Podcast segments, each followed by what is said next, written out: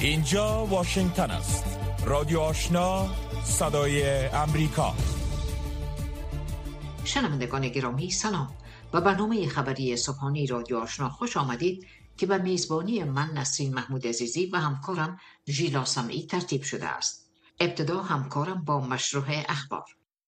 با عرض سلام. جو بایدن رئیس جمهور امریکا هشدار داده است که در صورت حمله نظامی چین به تایوان واشنگتن از تایوان دفاع خواهد کرد. این تا کنون قوی ترین اظهارات رئیس جمهور بایدن در مورد احتمال حمله نظامی چین به خاطر تصرف تایوان بوده است. آقای بایدن که این هشدار را هنگام بازدید از ژاپن صادر کرد همچنان پس از ملاقات با فومیو کیشیدا صدر این کشور گفت که واشنگتن و توکیو در مورد نظارت از فعالیت های قوای بحری چین و تمرین های مشترک نظامی چین و روسیه موافقت کردند. چین به این نظارت رئیس جمهور بایدن واکنش تند نشان داد و گفت که بیجینگ آماده است از منافع ملی خود در پیوند به تایوان دفاع کند. در عین حال جو بایدن رئیس جمهور امریکا گفته است که ولادیمیر پوتین رئیس جمهور روسیه باید به خاطر بربریتش در اوکراین بهای گزافی بپردازد. رئیس جمهور بایدن روز دوشنبه بر اهمیت تحریم های درازمدت بر روسیه تاکید کرد و گفت که این تحریم ها در مورد تلاش چین برای تصرف تایوان با توسل به زور چی پیامی را میرساند. وزش طوفان شدید ریگ در عراق حدود هزار نفر را راهی شفاخانه ساخت ساختمان های آمرا بست و میدان های هوایی را به طور موقت در روز دوشنبه مسدود ساخت. این نهمین بار از اواسط ماه اپریل است که طوفان ریگ در این کشور رخ می‌دهد. پروازها در کویت نیست. برای دومین بار در این ماه به خاطر غبار ناشی از طوفان متوقف شد و بعدا در دومین طوفان ریگ شدید در کمتر از یک هفته ریاض پایتخت عربستان سعودی هم در غبار خاکستری پنهان شد. مصطفی الکاظمی صدر عراق با اشاره به شرایط بد جوی دستور داد تا کارها در مؤسسات دولتی و جز خدمات صحی و امنیتی متوقف شود. با آخرین تحولات جنگ در اوکراین اخبار را از رادیو آشنا صدای امریکا ادامه می‌دهیم.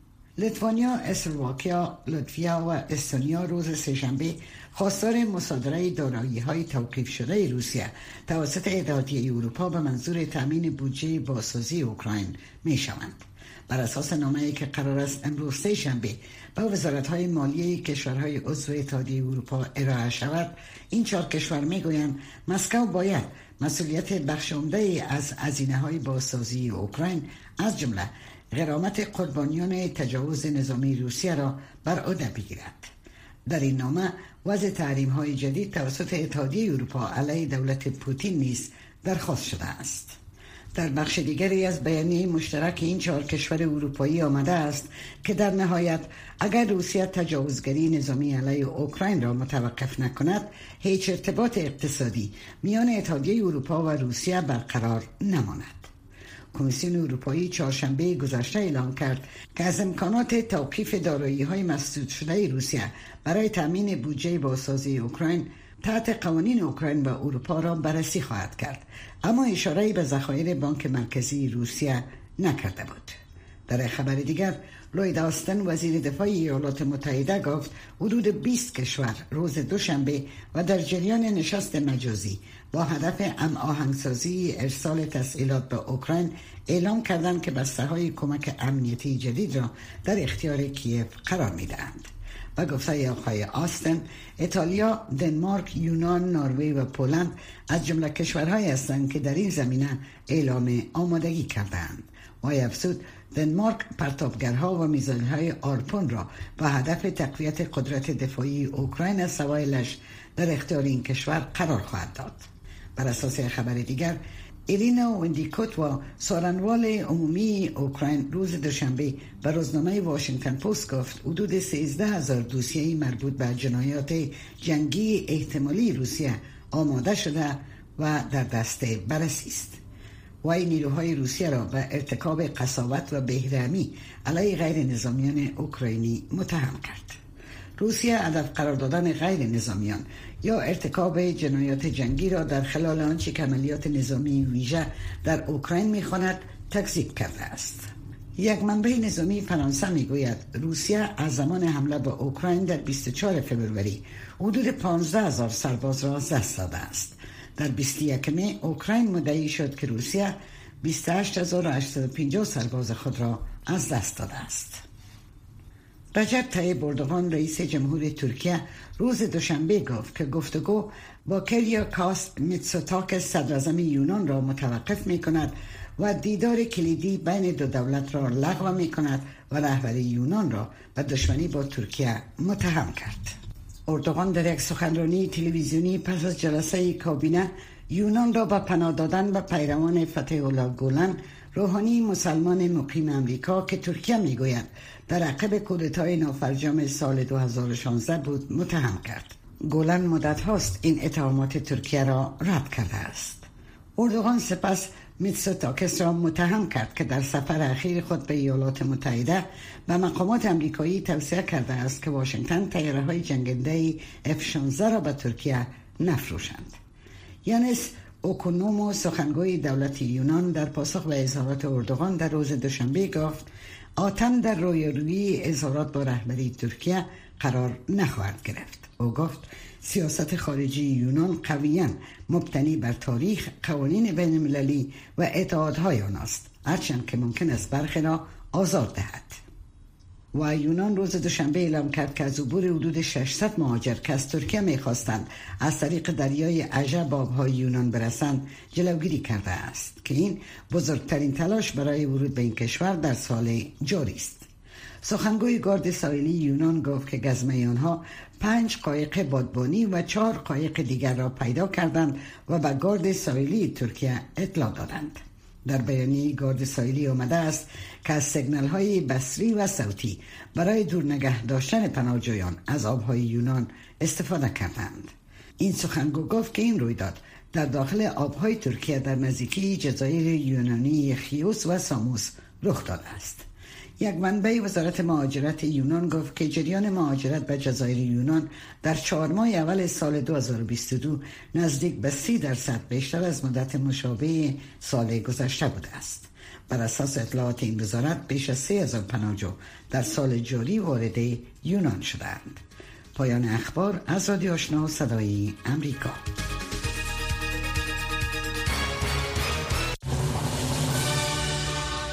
رادیو آشنا صدای امریکا منبع موثق خبرها و گزارش های جهان و افغانستان. شنوندگان گرامی مشروع اخبار افغانستان منطقه و جهان را از رادیو آشنا شنیدن آن هم توجه نمایید به گزارش های صبح امروز. کمپاین چهار روزه پولیو روز دوشنبه دوم ماه جوزا در تمام سی و چهار ولایت افغانستان را اندازی شد. در این کمپاین برای 9.9 میلیون کودک زیر سن 5 سال واکسین پولیو و ویتامین ای داده خواهد شد. لیما امرخیل از کابل گزارش می دهد. کامپاین چهار روزه پولیو در سراسر کشور امروز آغاز شد. مسئولان مرکز محو پولیو می‌گویند که آمادگی را برای اجرای بهتر این کمپاین از قبل گرفتن و به 9.9 میلیون کودک دو قطره واکسن پولیو و یک کپسول ویتامین ای داده خواهد شد. دکتر نیک ولی شامومن مسئول مرکز محو پولیو در افغانستان به رادیو آشنا صدای امریکا چنین گفت. افغانستان کمپاین چهار روزه پولیو امروز در 34 ولایت افغانستان را اندازی شده است که 9.9 میلیون کودک زیر 5 سال واکسن خواهد شد. همچنین به آنها کپسول ویتامین ای داده می شود تا سیستم ایمنی بدنشان تقویت شود. هغوی د بدن د منفیت د لوړولو په خاطر ورکول کیږي با گفته وی در تلاش هستند تا پوشش این کمپاین به تمام نقاط کشور برسد و به تلاش واکسیناتورهای خود اعتماد نشان داده است. این کمپاین برای افزایش سطح پوشش به بهترین شکل ممکن اجرا خواهد شد و داوطلبان ما می توانند به تمام نقاط کشور برسند زیرا اکنون هیچ مشکلی امنیتی وجود ندارد. شهروندان کابل کمک والدین را در تطبیق کمپاین پولیو و رساندن واکسن ضروری می دانند آن از والدین می خواهند که از دادن قطرات واکسن پولیو به فرزندان خود غافل نشوند. نشوند و آنها را در برابر معلولیت دائمی محافظت کنند. روبینا یکتن از باشنده کابل به صدای امریکا چنین گفت. پیام ما به ما خانواده های عزیزی است که فرزندان خود را در برابر آفت دائمی پولیو در امان نگه دارد و محافظت کند. اگر کودکی از واکسن پولیو باز میمانه عواقب بد عواقب بد دارد و این خطر بیماری پولیو رو افزایش میده پیام ما به خانواده های عزیزی است که اطفال خود را به موقع واکسین کند. بر اساس معلومات ها خطر ویروس پولیو در افغانستان احساس می شود زیر خطر ابتلا به موارد مثبت پولیو در ولایت جنوبی و منطقه جنوب شرقی وجود دارد. در سال گذشته میلادی در کشور چهار واقعه مثبت پولیو به ثبت رسیده بود که سه واقعه آن از ولایت قندوز و یک واقعه آن از ولایت غزنی گزارش شده بود. لیما مرخیل رادیو آشنا صدای امریکا کابل. پولیو تا هنوز هم کودکان زیر سن پنج سال را در مناطق مختلف افغانستان تهدید کرده و باعث فلج دائمی آنان می گردد. دختران و پسران خردسالتان را واکسین کنید تا فردا فرزند سالم داشته باشید. معاون وزارت خارجه طالبان با انتقاد گفته است که با وجود دستاوردهای سیاسی حکومت آنان نتوانسته است در سازمان همکاری های اسلامی و سازمان ملل متحد کرسی داشته باشند. کارشناسان سیاسی این اظهارات را نوع اختلافات ناشی از نبود اجماع سیاسی در میان طالبان می دانند. جزیات بیشتر را در این گزارش بشنوید. پس از گذشت بیش از نو ماه چالش های سیاسی سبب شده که کاسه صبر معاون وزارت خارجه طالبان لبریز شود. شیر محمد عباس استنگزه معاون سیاسی وزارت خارجه طالبان روز یکشنبه در مراسم از عملکرد بخش های مختلف حکومت این گروه از جمله حقوق زنان و موضوعات سیاسی به شدت انتقاد کرد. آقای استنگزه گفت که در میدان سیاست حکومت طالبان دستاوردهایی داشته و همکنون با شمار از کشورها رابطه دارد اما به گونه لازم نیست. کرسی سازمان همکاری های اسلامی را نداریم. کرسی ملل متحد را نداریم. در اروپا نمایندگی نداریم. این کار باید شود. مشکلات هست اما با یک پلان سیاسی قوی می توانیم این مشکلات را رفع کنیم. همچنان آقای سنگزی با اشاره به مهاجرت روزمره هزاران نفر به ایران و پاکستان گفت که به دلیل مشکلات اقتصادی مردم رو به مهاجرت آوردند در حالی که این وظیفه حکومت طالبان است که به آن رسیدگی کند. اسدالله زایری کارشناس سیاسی گفت که آقای سنگزی نسبت به عملکرد بخشهایی از حکومت طالبان به شدت ناراضی است. چون رفتار برخی نهادها و جناهای طالبان به شدت به حیثیت و اقتدار وزارت خارجه حکومت سرپرست آسیب زده است. با گفته آقای زایری وزارت خارجه طالبان به عنوان نهادی که منافع سیاسی و اقتصادی را تامین می کند همواره با عملکرد بخشهایی از حکومت این گروه با ناکامی مواجه شده است. آقای سنگزی به عنوان یک دیپلماتی که به حال حداقل در ده سال پسین مستقیما دیپلماسی طالبان را تا آمدن ملا برادر در قطر رهبری کرده است بر چالش ها و مشکلات تعامل با جهان واقف هستند و همینطور بر ارزش های حاکم در نظام بین الملل این که نظام بین الملل تحت هیچ شرایطی از برخ ارزش ها چشم پوشی نخواهد کرد. اینا رو می‌دونم منشه و در واقع رشه این انتقاد و نارضایتی برمیگردد به عمل کرد و تصمیم های نادرست بخشی از بدنی حکومت سرپرست. به گفته این کارشناس سیاسی نهادهایی هم اکنون در حکومت طالبان وجود دارند که هیچ گونه مصالح و منافع مردم افغانستان برایشان مهم نیست بلکه به سیاست های درونی اهمیت می دهند. این در حال است که آقای سنگزی در بخشهایی از سخنانش به نظام های دموکراتیک اشاره کرد و گفت آن نظام ها به این دلیل پایه دارند که در برابر دیدگاه های مخالفان و اپوزیسیون خود تحمل دارند. همچنان معاون وزارت خارجه حکومت طالبان گفت که با چوب نمی شود بر مردم حکومت کرد و هر گونه لغزش به گفته وی قربانی های چهارده را در این کشور هدر خواهد داد. آیا این اظهارات بیانگر شکاف در بین حکومت طالبان است؟ رامش سالمی استاد علوم سیاسی در پاسخ گفت سه موضوعی که پیرامون اظهار نظر وی وجود دارن عبارت است از عدم ظرفیت طالبان برای رهبری سیاسی افغانستان. دوم حکایت از اختلاف درونی طالبان دارد. سوم حیثیت سیاسی و حقوقی طالبان نزد جامعه بین المللی به شدت آسیب دیده است. که جبران آن در شرایط کنونی تقریبا غیر ممکن به نظر می رسد. با این حال آقای استانگزی نخستین مقام طالبان است که از عملکرد بخشهایی از حکومت آن گروه انتقاد می کند اما به مزیت‌های نظامهای دموکراتیک اشاره دارد طالبان در 15 اگست سال گذشته میلادی بر افغانستان مسلط شدند اما با گذشت بیش از نو ماه هیچ کشور حکومت آن گروه را به رسمیت نشناخته است ایجاد حکومت فراگیر احترام به حقوق شهروندان به ویژه زنان و ها و قطع روابط با گروه های تروریستی از پیش شرط های ایالات متحده و کشورهای غربی در راستای کسب مشروعیت بین حکومت آن گروه است.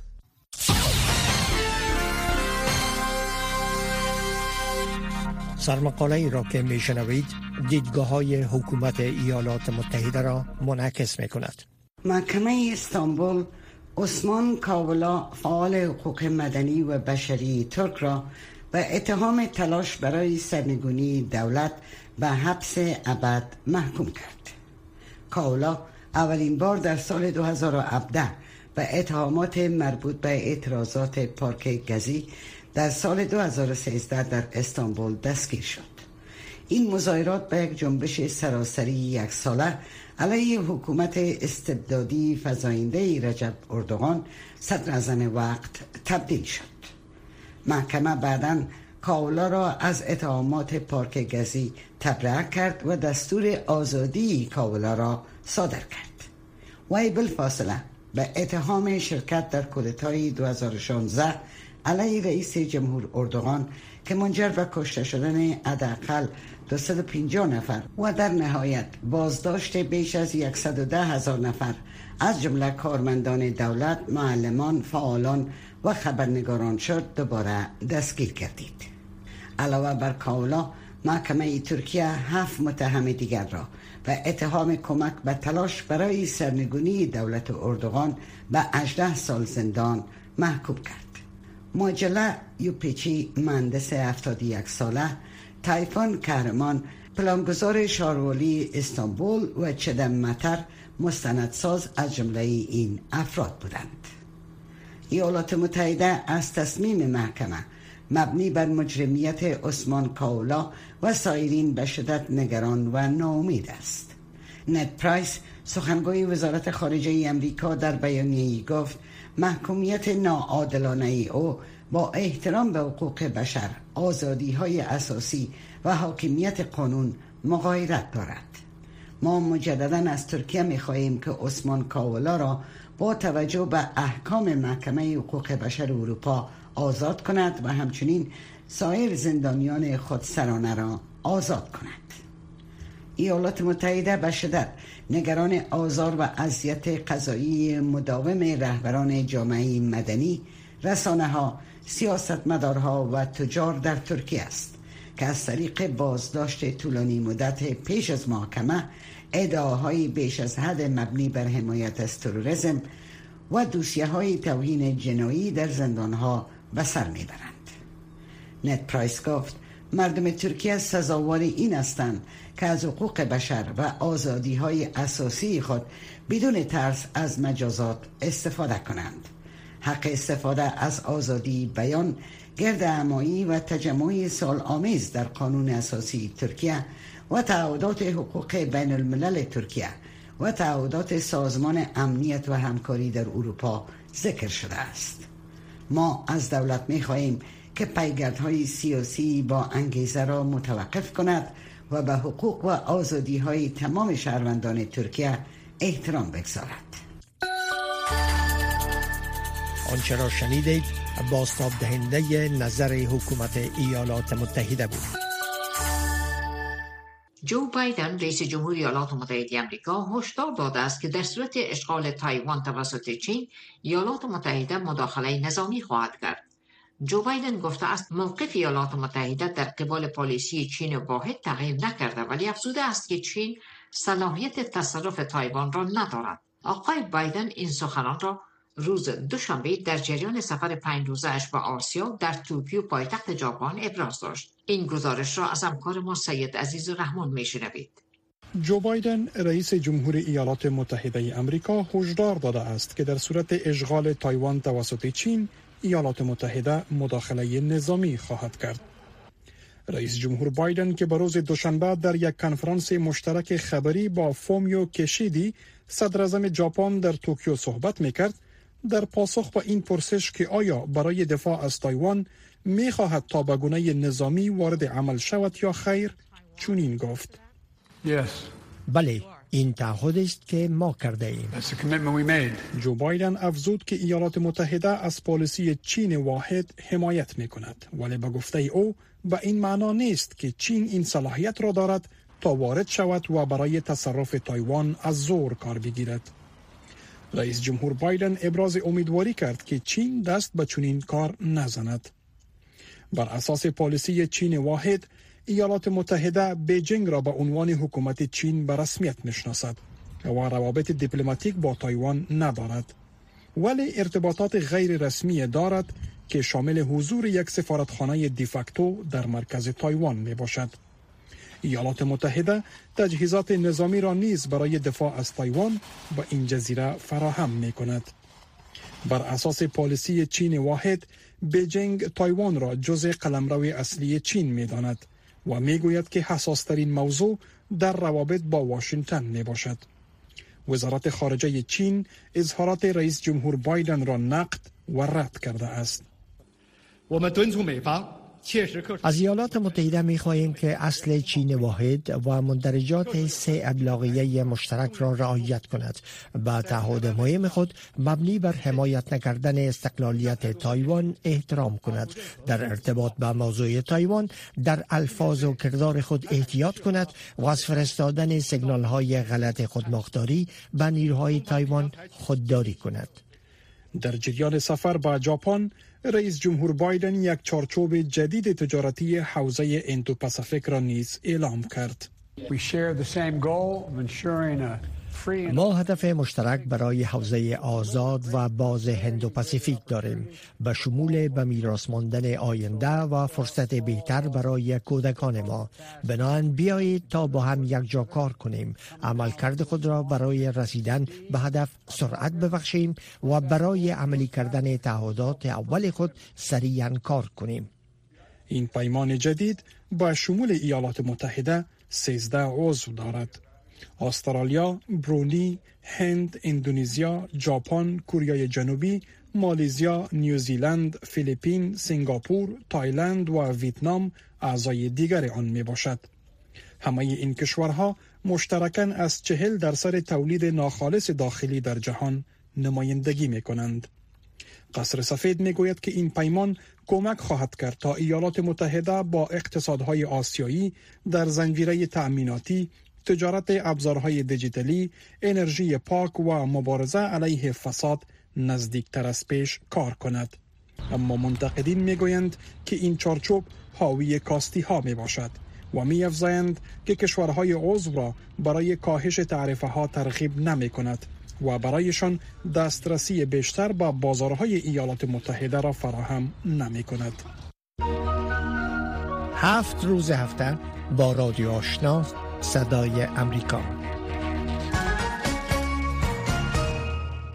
و نتادی گاندا پلاتس مدیر برنامه پیشرفت زنان در انستیتوت بوش می‌گوید طالبان تلاش می‌کنند زنان را تحت فشار قرار دهند و در اصل می‌خواهند حضور زنان و دختران افغان را از زندگی عامه حذف کنند. و طور مستقیم رفتار آنها این وضعیت را منعکس می سازد آنها می‌خواهند جامعه مرد سالار داشته باشند و تلاش می‌کنند مانع نفوذ سهم زنان در جامعه گردند. خانم پلات می‌گوید که انستیتوت بوش اخیرا برنامه کاری را با فعالان آموزش برای زنان افغان آغاز نموده است که هدف آن دسترسی زنان و دختران به آموزش است و می‌خواهند در پلیسی ها برای عملکرد در قبال آموزش زنان تأثیر گذار بمانند. خانم پلاتز در صحبت با نوری نخست در مورد افزایش محدودیت های طالبان بر زنان افغان چنین گفت. زنان افغان یک قدرت مهم در رشد افغانستان شمرده می شوند که ما طی 20 سال گذشته شاهد آن بودیم.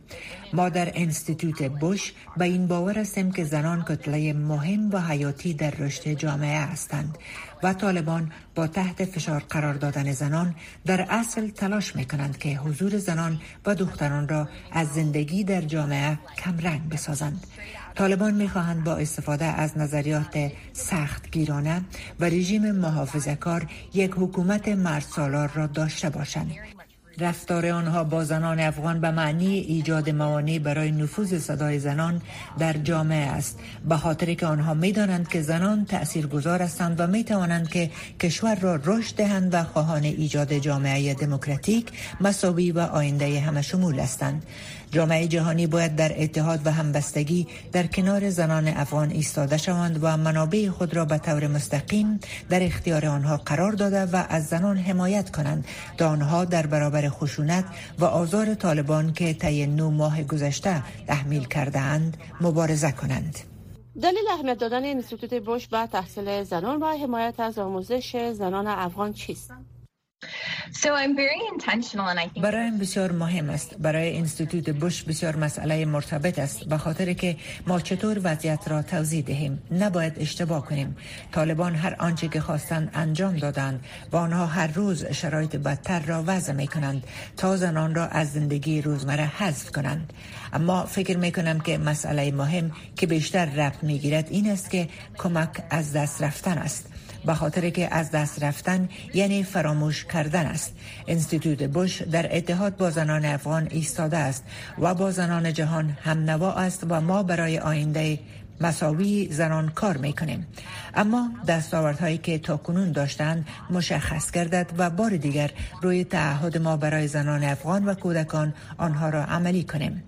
طالبان می‌خواهند رهبری کنند و فکر می کنند جهان رفتار آنها را در دهه 90 فراموش کرده است. اما با تاسف که ما بسیار بسیار زود با وضعیت مشابه در حاکمیت طالبان روبرو شدیم. تا حد محتاطانه بگویم که جهان اکنون این بازی را باختند و فکر می کنم که باید از وضعیت آگاه بمانیم و به خاطر مسئولیت اخلاقی خود تلاش کنیم تا آینده مساوی با حضور زنان در جهان که در ثبات نقش مهم دارند برای آنها تأمین گردد.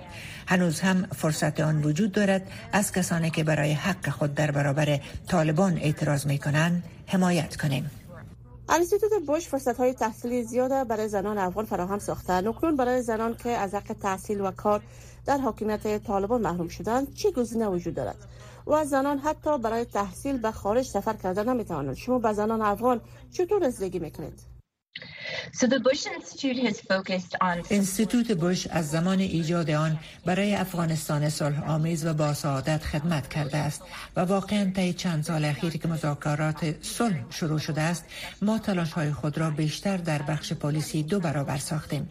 ما اخیرا یک میز مدور به شکل مجازی با 13 زن ورزشکار داشتیم که هر یکشان سوابق خود را دارند و افغان ها با وجود اینکه متشکل از چندین قوم هستند مسئله تعامل مهم بوده و نظریات مختلف نیز در نظر گرفته شده است و ما تلاش می‌کنیم از این طریق از پالیسی های خود آنها را آگاه بسازیم. ما اخیرا گروه کاری از افغان های فعال در بخش آموزش شروع کردیم و هدف ما این است که با واقعا باید تأثیر گذار باشند و آنها بتوانند از طریق نوآوری دسترسی زنان و دختران به تحصیل را فراهم سازند و در این زمان بتوانند در سیاست های تأثیر گذار که عملی گردد سهم بگیرند. و این مسئله شامل نه تنها پلیسی های جدید است بلکه تلاش بر آن است که زنان به منابع دسترسی داشته باشند و بتوانند فعالیت های خوب داشته باشند و از این طریق در کاهش تخطی های از حقوق زنان کمک نمایند. نماینده وزارت خارجه در امور زنان و حقوق بشر در افغانستان اخیرا از طالبان خواسته است تا برای زنان اجازه تحصیل را بدهند و یکی از مقامات طالبان در مصاحبه اخیر گفته است که برای دختران خبر خوب خواهد داشت. واکنش شما چی است؟ تا چی اندازه این مسئله اهمیت دارد؟ شما آموزش دختران بسیار مهم است. یک کشور بدون آن موفق نخواهد شد. هرگاه بخش از نفوذ کشور عقب مانده باشد در آن صورت دسترسی به آموزش می تواند زندگی آنها را بهتر بسازد. برای بیرون رفت از وضعیت بد زنان تلاش های زیاد در راه است و ما می خواهیم زنان دسترسی مساوی با آموزش داشته باشند و در جامعه سهم مساوی برای آنها داده شود. با وجود این من شک دارم که طالبان به تعهدات خود عمل کنند به خاطری که در هر فرصت آنها به شکل دیگری خود را نشان می دهند و از وعده های خود پا پس می کشند شنوندگان گرامی در اینجا می رسیم به پایین بخش دوم برنامه صبح امروز رادیو آشنا چند لحظه بعد نشرات برنامه رادیو آزادی را روی همین موج می شنوید که تا هفت شام به وقت کابل ادامه دارد تا ساعت هفت شام که بار با نشرات رادیو آشنا در خدمت خواهیم بود با شما عزیزان خداحافظی می کنیم روز به خیر الطاف خداوند و درقه راه شما